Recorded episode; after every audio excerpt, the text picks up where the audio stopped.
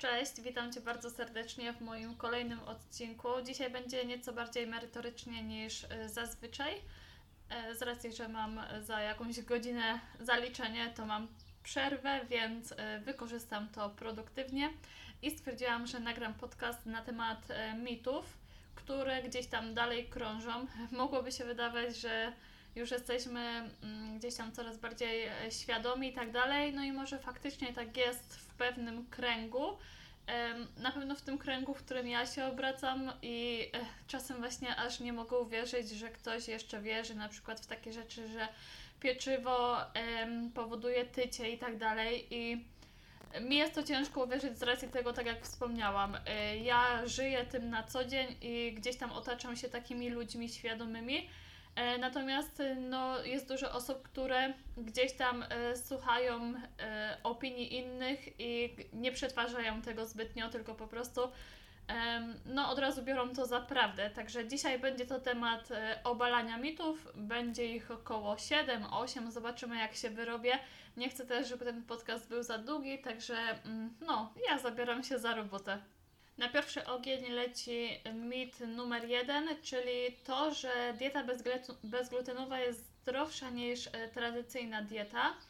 E, I jest to bardzo krzywdzące, bo mm, o ile jeszcze dieta bezglutenowa dla osób, które mają e, celiakię, czy na przykład nieceliakalną nadwrażliwość na gluten, to jest oczywiście, no aż się prosi, żeby ta dieta była bezglutenowa, bo inaczej no takim osobom będzie żyło się źle i naprawdę są e, poważne powikłania. Natomiast e, o ile takiemu zwykłemu Kowalskiemu, który nie ma takich problemów i nie potrzebuje eliminować glutenu, to wydaje mi się, że nie ma żadnej e, takiej potrzeby do tego, żeby gdzieś tam eliminować ten gluten. Na początek trzeba się zastanowić, e, czym jest ten gluten, więc no, jakby, nie patrząc, jakby nie patrząc, to gluten to nic innego jak białka pszenicy, jest to gliadyna i glutenina. E, no i one w połączeniu z wodą tworzą właśnie taki kompleks, który nazywamy glutenem. No i e, to dzięki glutenowi mamy tak naprawdę puszyste pieczywo, takie, no wiecie, Teoretycznie w życie również jest gluten, ale to już, e, że tak powiem, są tam inne, e, jest tam inny tak jakby stopień tego glutenu.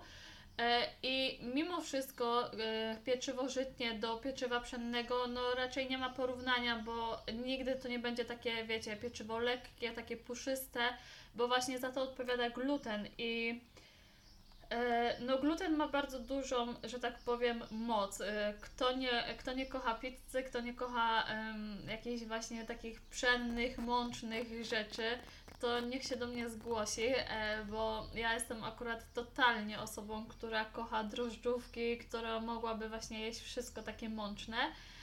I miałam też epizod w swoim życiu, gdzie unikałam chleba, bo bałam się, że przytyję i właśnie usłyszałam od kogoś, że to chleb powoduje tycie.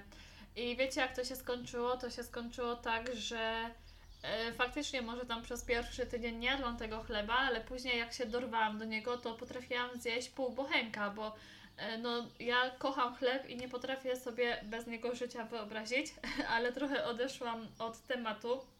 Więc tak jak mówię, gluten tak naprawdę nie jest e, niczym strasznym. Oczywiście ja nie mówię tutaj, żebyśmy teraz e, całą swoją dietę opierali na glutenie, bo tak naprawdę każda taka, tak naprawdę, czekajcie, jakby Wam to powiedzieć, no po prostu umiar jest najważniejszy i mm, tak naprawdę to dawka czyni nas trucizną, więc e, jakby nie patrzeć, to nawet jak będziemy jeść, e, nie wiem, no całymi dniami pomidory i tak dalej, to też może być dla nas trucizną. Także e, ja zawsze będę powtarzać, że dieta powinna być jak najbardziej urozmaicona, nie powinniśmy się bać jedzenia e, i po prostu obserwować nasz organizm, jak się zachowuje, jak się czujemy po danym produkcie i tak dalej. E, I często też się mówi, że po mm, pieczywie boli kogoś brzuch albo ma wzdęcia i tak dalej. I tak, to może być oczywiście przyczyna glutenu, ale nie tylko, bo y, za to może również odpowiadać oligosacharydy, monosacharydy, disacharydy. No i dlaczego? Bo one łatwo ulegają fermentacji pod wpływem bakterii, które mamy w jelicie cienkim, dlatego e, tak jak mówię, to niekoniecznie musi być gluten, ale mogą być e, cukry. Musimy również pamiętać o tym, że dieta bezglutenowa jest dietą eliminacyjną, co za tym idzie, że ograniczamy sobie dostęp do e, bardzo dużo różnych e, ciekawych produktów. I tak jak na przykład mm, pieczywo e, bezglutenowe często jest wykonywane z mąki kukurydzianej, a mąka kukurydziana nie szczyci się jakąś wielką zawartością odżywczą, dlatego no tutaj trzeba też zwrócić uwagę, że jeżeli faktycznie mamy już taką ochotę przechodzić na dietę bezglutenową, to trzeba się e, zastanowić, żeby ta dieta była naprawdę wartościowa, żebyśmy sobie dostarczali e, wystarczająco dużo składników odżywczych. I tak samo trzeba pamiętać o tym, że mamy coś takiego jak enzymy trawienne i jeżeli my odpuścimy sobie gluten, i na przykład za jakiś czas e, będziemy chcieli wrócić do nich, to może się okazać tak, że w naszym organizmie nie ma już tego enzymu, który będzie nam trawił gluten. Dlatego dopiero wtedy mogą pojawić się nam e, jakieś różne problemy jelitowe, problemy właśnie związane z układem pokarmowym.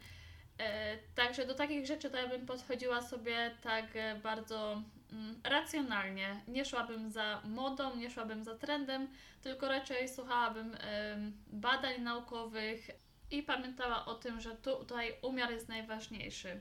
E, I w sumie, jak już jesteśmy przy tym glutenie, no to automatycznie nasuwa mi się mit, który mówi, że e, pieczywo jest e, tuczące i dosyć, że jest to jeszcze w ogóle białe pieczywo to jest zło i nie powinno się jeść, unikać i tak dalej, i tak dalej. E, no i teraz tak, mm, pszenica to jest zboże tak jak jęczmień, tak jak proso i no dobra, jest on bardziej oczyszczony niż te inne zboża, ale nie oznacza to, że to jest jedno wielkie zło. I o ile oczywiście powinniśmy korzystać z jak największej ilości produktów zbożowych, pełnoziarnistych, to um, to na przykład nie wyobrażam sobie, żeby osoby, które mają taką, wiecie, ultra super aktywność fizyczną, nie wiem, maratończycy czy coś takiego, y, przez cały dzień odżywiali się y, tak idealnie czysto, że jedzą same pełnoziarniste posiłki, właśnie pieczywo żytnie, y, makaron, ryż i tak dalej, no bo, mm, no bo po prostu mieliby zdecydowanie za dużo błonnika, co zatem idzie, gdyby oni sobie e, poszli na maraton, to oni raczej e, nie szukaliby mety, tylko szukaliby krzaków, żeby się wypróżnić, więc mm, tutaj tak naprawdę to podejście jest bardzo indywidualne, bo tak samo e, pieczywo takie jasne, pieczywo pszenne będzie bardzo do, dobre dla osób, które potrzebują mieć dietę lekkostrawną, które mają e, jakieś problemy e, jelitowe. Ale tak jak mówię, to wszystko jest indywidualne i nie możemy tak jednoznacznie powiedzieć, że pieczywo pszenne jest złe, bo no, pieczywo pszenne, tak jak e, może być spoko, tylko to też zależy od, konte on, od kontekstu i e, oczywiście nie zaleca się jeść codziennie pieczywa pszennego, no bo raz, że pieczywo pszenne ono nie syci tak długo, na długo jak pieczywo żytnie, E, czy razowe, to, mm, to co jeszcze? No to tak jak mówię, no takie pełnoziarniste produkty będą dużo bardziej wartościowe dla nas z racji tego, że po pierwsze będą mieć więcej błonnika, więcej witamin z grupy B, e, co one tam mają, cynk i tak dalej.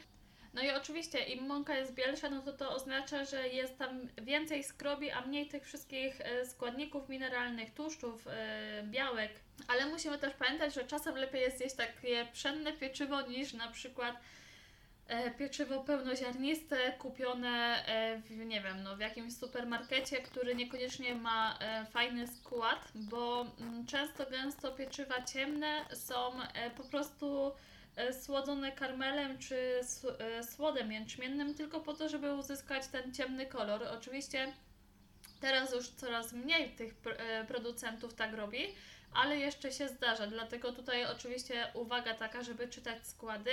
E, no i tak naprawdę do pieczywa, do produkcji pieczywa nie potrzebujemy zbyt wiele, bo, bo może być to, w sumie nie może być, tylko musi być to mąka, woda, sól, e, no i ewentualnie drożdże czy zakwas.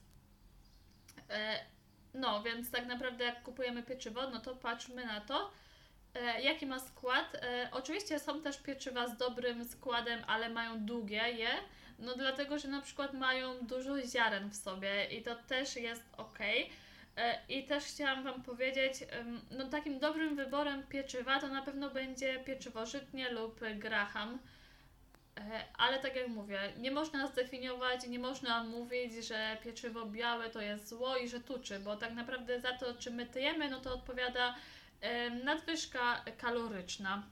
E, więc myślę, że ten temat już wyczerpałam. Lecę do trzeciego mitu i trzeci mit to mm, czekajcie, co ja tutaj mam, bo ja sobie przygotowałam. A dobra, już widzę. Ziemniaki tuczą. To jest trzeci mit e, i szczerze powiedziawszy, mam nadzieję, że to wiecie, albo że bynajmniej większość osób, która mnie słucha, to wie, że ziemniaki nie tuczą. E, tak naprawdę ziemniaki w 100 gramach, one nie wiem, no teraz Wam powiem na oko, nie wiem dokładnie, ale myślę, że mają z 80 e, kalorii, e, co oznacza, że w 400 gramach mają 320, jeżeli dobrze liczę.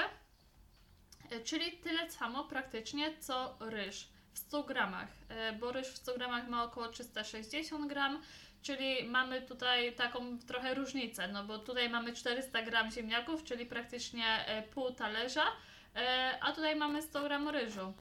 E, I czym sobie bardziej pojemy? Oczywiście, że sobie bardziej pojemy ziemniakami, ponieważ one mają wyższy indeks sytości. I tak, co chciałam powiedzieć? Chciałam powiedzieć, że oczywiście ziemniaki mogą tuczyć, jeżeli my sobie do tego dodamy kopę masła, czy tam jakiegoś e, sosu, czy no wiecie, jak się robi jakieś mięso, no to później ten sos i tak dalej, e, ale same w sobie ziemniaki jako produkt e, to nie, to one nie tuką nie tuczą, Jezu, nie tuką, chciałam, masakra, więc nie tuczą, y, także nad tym mitem się w ogóle nie będę rozwodzić, y, ziemniaki są super produktem na redukcji, możemy się nimi nasycić, także nie ma problemu, jeżeli będziemy je jeść, pod warunkiem, że nasza dieta będzie urozmaicona i nie będziemy ich spożywać codziennie. Lecę już do czwartego mitu, czyli mm, produkty light są zawsze zdrowsze i lepsze. No i teraz tak, co to oznacza w ogóle, że produkt jest light? Więc producent nie może sobie napisać na opakowaniu, że ten produkt jest light, jeżeli nie spełni danych wytycznych. I na to wszystko są przepisy, dlatego mm, no nie ma opcji, że jakiś produkt, y, który nie będzie light, powiedzmy, y, będzie miał taki napis. I co za tym idzie?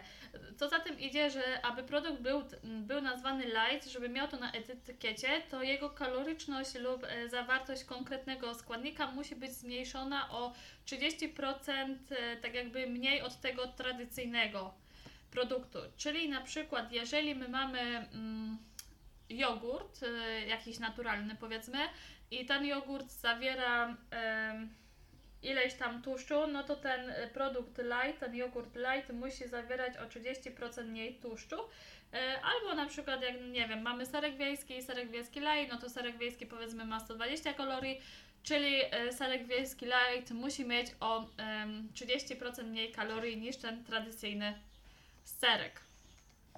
I o ile, jak już wspomniałam o serku wiejskim, to o ile w serku wiejskim jest spoko, w sensie, że faktycznie opłaca się bardziej kupować serek wiejski light z racji tego, że za dużej tam różnicy nie ma. W sumie nie różni się jakoś tam, yy, no praktycznie tak naprawdę tylko tłuszcz jest odjęty, a wszystko pozostaje w normie, w sensie białko, sól i tak dalej.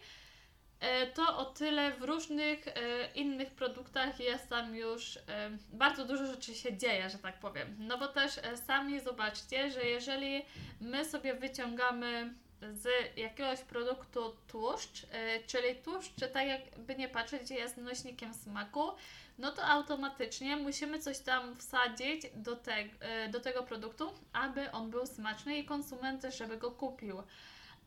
No i co się wtedy dzieje? Co tam producenci wsadzają?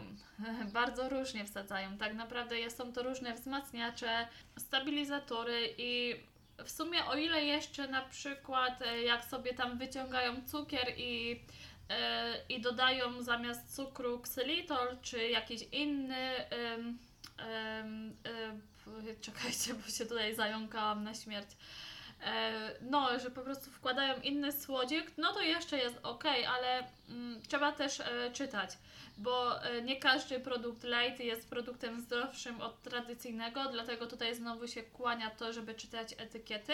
Jest to naprawdę mega istotne.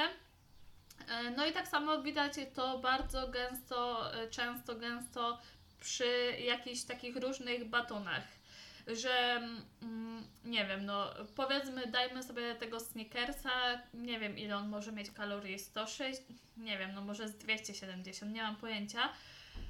A taki batonik e, light, że tak powiem, to my sobie go weźmiemy nie czytając składu, bo pomyślimy, że jest on zdrowszy i ma fajny skład i tak dalej. A tak naprawdę często jest tam po prostu, e, są tam składniki praktycznie takie jak w tym sneakersie, e, tyle że jest, ma po prostu ładniejsze opakowanie, jest dedykowany dla osób, które się odchudzają i mają tam jakieś ziarna narysowane i tak dalej. Dlatego to też jest bardzo istotne, żeby jednak czytać te składy no i często jest też tak, że jakiś taki normalny baton ma tam daną ilość kalorii i ten baton, który jest e, powiedzmy zdrowszy, ma bardzo zbliżoną kaloryczność e, i o ile ma lepszy skład, no to jeszcze rozumiem decyzję, ale o ile ma, mają bardzo podobne składy, no to, to nie widzę w sensie powodu do tego, żeby brać niby ten zdrowszy baton,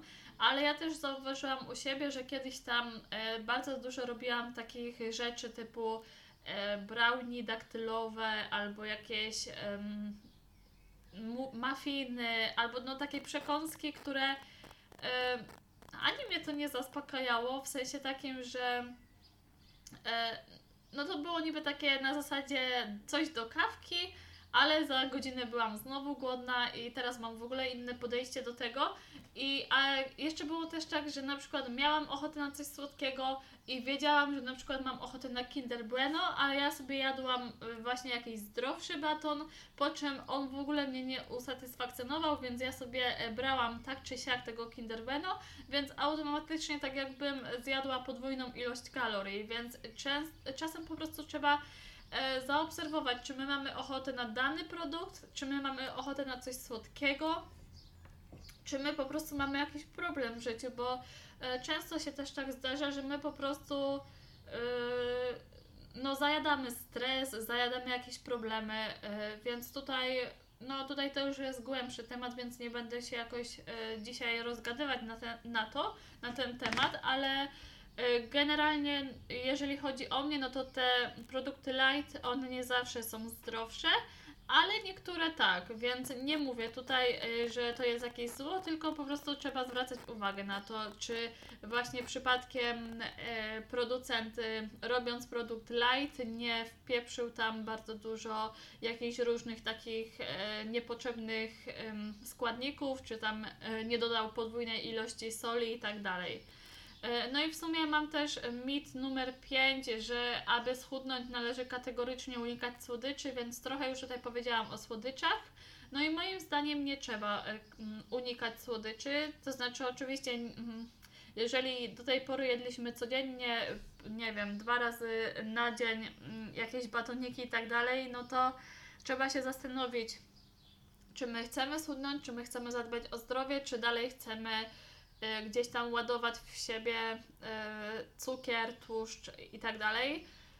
E, czy, y, czy chcemy faktycznie coś tam zrobić ze sobą. I o ile na przykład jedzenie słodyczy w czasie odchudzania jest możliwe, tylko że wtedy po prostu trzeba zrobić to z głową. To znaczy, właśnie trzeba się już zastanowić, dlaczego my jemy te słodycze, E, dlaczego w danym momencie mamy ochotę na słodycze, czy my może jesteśmy po prostu głodni, czy my mamy ochotę faktycznie coś zjeść takiego słodszego?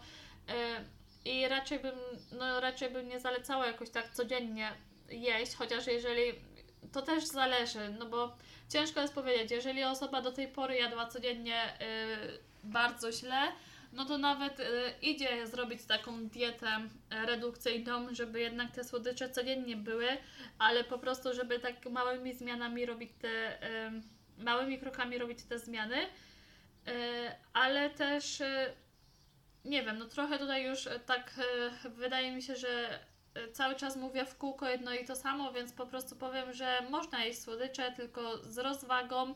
E, I tak jak powiedziałam, czasem lepiej sobie zjeść tego normalnego e, takiego batona z marketu niż kombinować z jakimiś fit zamiennikami. E, no to tyle na ten temat. Teraz lecę do szóstego mitu, czyli że diety sokowe pozwalają skutecznie schudnąć.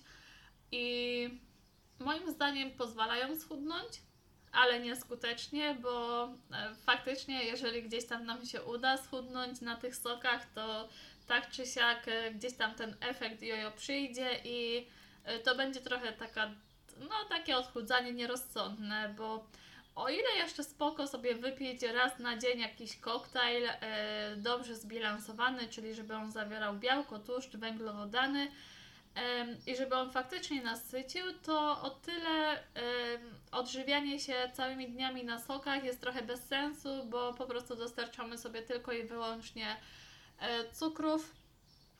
To raz, dwa, e, soki są pozbawione e, dużej ilości błonnika, więc lepszą opcją jest po prostu zjedzenie sobie owoca niż wypicie soku. To, to dwa.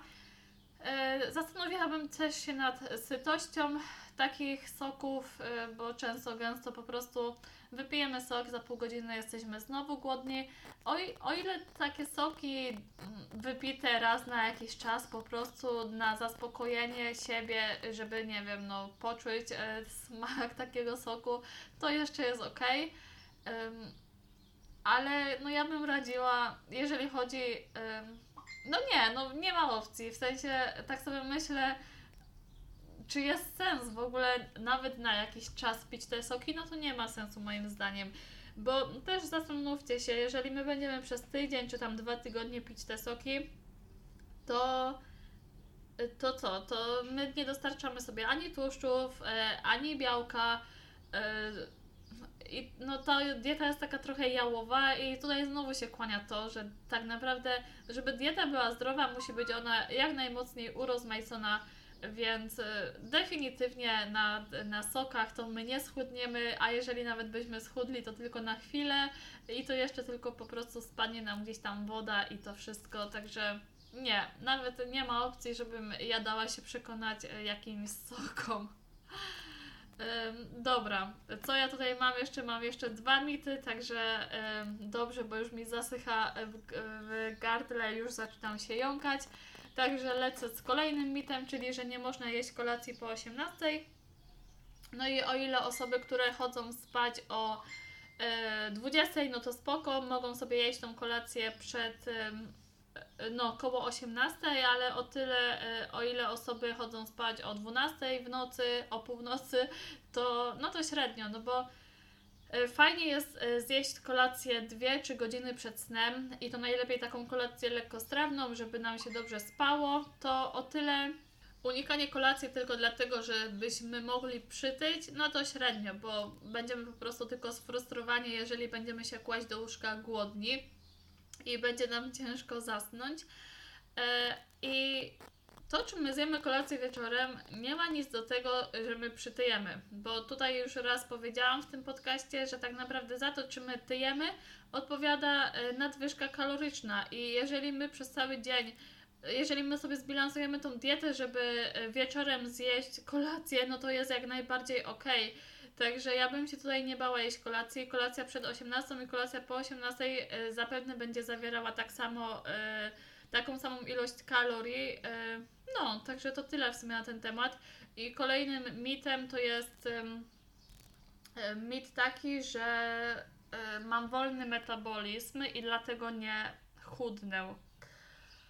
I ten mit jest e, tak samo często jest e, słyszalny. I o ile tak sobie myślę, czy jakaś tam jest prawda, bo często się też słyszy, że na przykład em, em, osoby starsze, że im zwalnia metabolizm.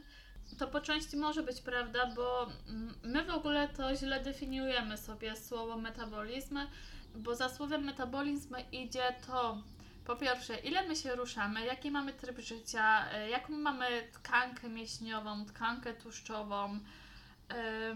I o ile właśnie y, mogłabym się zgodzić, że po części jest to prawda z tym, że, osoby star- że osobom starszym zmniejsza się, o Jezu, zwalnia ten metabolizm z racji tego, że po pierwsze często to jest tak, że osoby właśnie już starsze po prostu mniej się ruszają, co za tym idzie, mają mniejszą tkankę mięśniową, e, no automatycznie się mniej ruszają, więc automatycznie metabolizm zwalnia. No, więc w sumie już chyba myślę, że Wam to rozjaśniłam, bo nie będę tutaj się bardziej wgłębiać, ale generalnie tak jak mówię, e, no nie, no to też jest mit, w sensie, no metabolizm zwalnia wtedy, kiedy my faktycznie gdzieś tam leżymy i w ogóle nie ruszamy się zbytnio, ale o ile prowadzimy aktywny tryb życia i tak dalej, no to jest e, ok z naszym metabolizmem i za metabolizm e, wcale nie odpowiada to, ile razy my się będziemy wypróżniać w toalecie. No, myślę, czy jeszcze tutaj coś powiedzieć, czy raczej tak zostawić wam, Was taką, z taką po prostu informacją. No dobra, chyba tyle. Nie będę tutaj przedłużać, bo powiem szczerze, że coś mnie gardło zaczyna boleć. Także e, trochę muszę na siłę już tutaj mówić e, i muszę teraz się czegoś napić, bo zaraz się uduszę.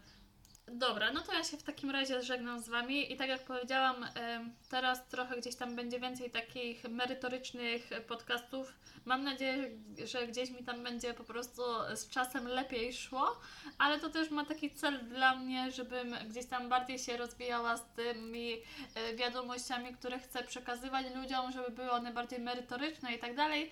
E, także myślę, że mm, daje Wam wartość i daje również sobie wartość z tym, żeby być coraz lepsza.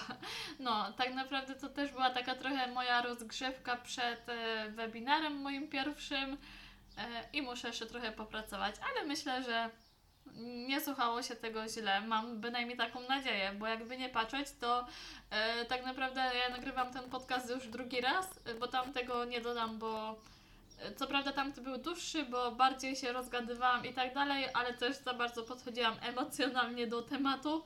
E, no, to tyle. Trzymajcie się ciepło, znajdziecie mnie na Instagramie Ogarnij Dietę, więc jak masz ochotę, to daj mi jakiś feedback, będzie mi niezmiernie miło. E, no i to tyle na ten temat. Na razie, do usłyszenia.